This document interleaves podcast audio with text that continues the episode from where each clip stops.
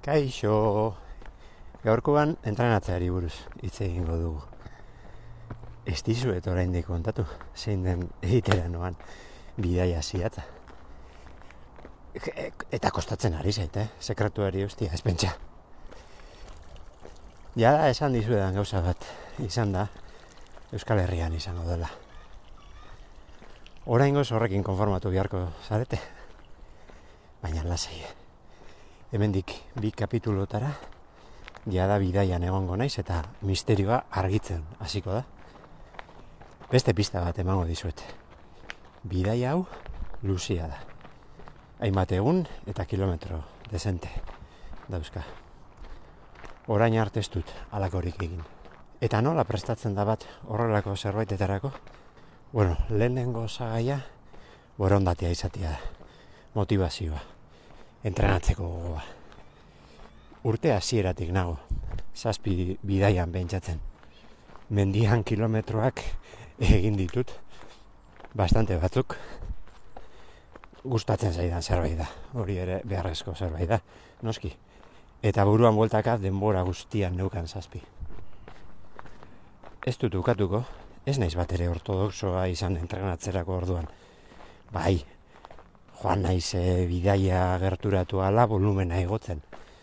Eta gero jaisten, teoria dioen moduan. Baina entrenamendu oso espezifikoak, ba, ba bueno, gupion artean ez da egon. Eta egia da, motivazioa pixkanaka murrizten doala. Ze asperdura puntu bat sortzen du honek denak. Gaur akaso nahiago nuelako beste kirolen bat egitea. Baina bidaia bertan egon da, ba, tokatzen da. Baina zazpiko bidaia ondo egitea nahi dut, presiorik ez desala izan, eta horretarako ondo prestatzea motivazio handi bada. Gustatzen zaidan zerbait derako. Bigarren osagaia, denbora. Eta honetan nik laguntza handia izan dut, beti danik. Baina bereziki azken hilabeteetan. Batetik lana dago. Duela urte bete pasatxo autonomoa egin nintzen. Kontsultorea naizela esateko modu kutreagoa da. Baina funtsean berdin berdina da.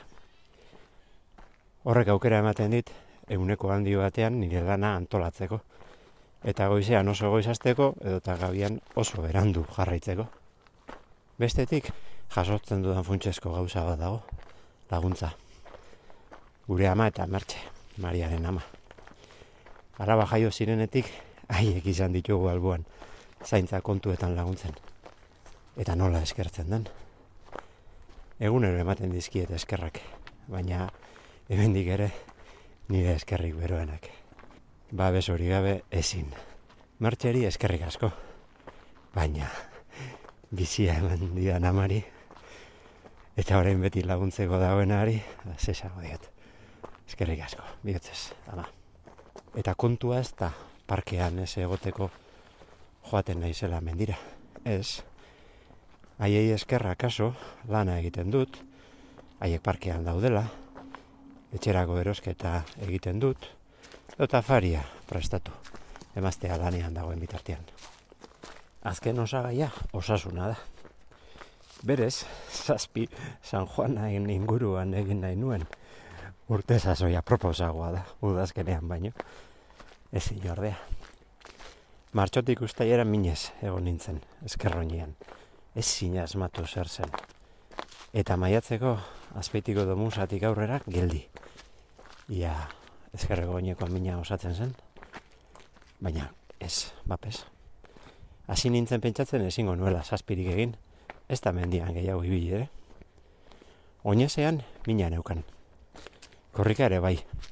Eta ez zein asmatu sartzen. Azkenean medikuak esan zidan oin solako fastitiza zela. Eta tendinitis pizkat, akilesean. Besterik ez. Ni pentsatzen ezurren bat hautsia nuela eta fastitiza glamurri gabeko lesio zistrin bat gaitzerdi, alare.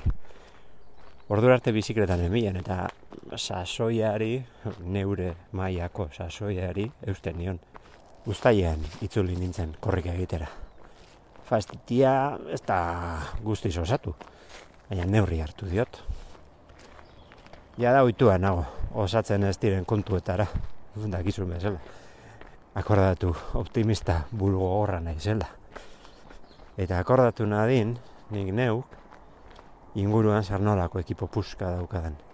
Aventura hau egiteko aukera ematen didana. Ze taldean egitea ederragoa da, niretzako bai behintzat. Eta hau dena egiten dut nigatik, ez dut gezurrik esango, hau ez dut egiten umeen gatik, ero gatik. Egoismo puntu bat dago, oso handia.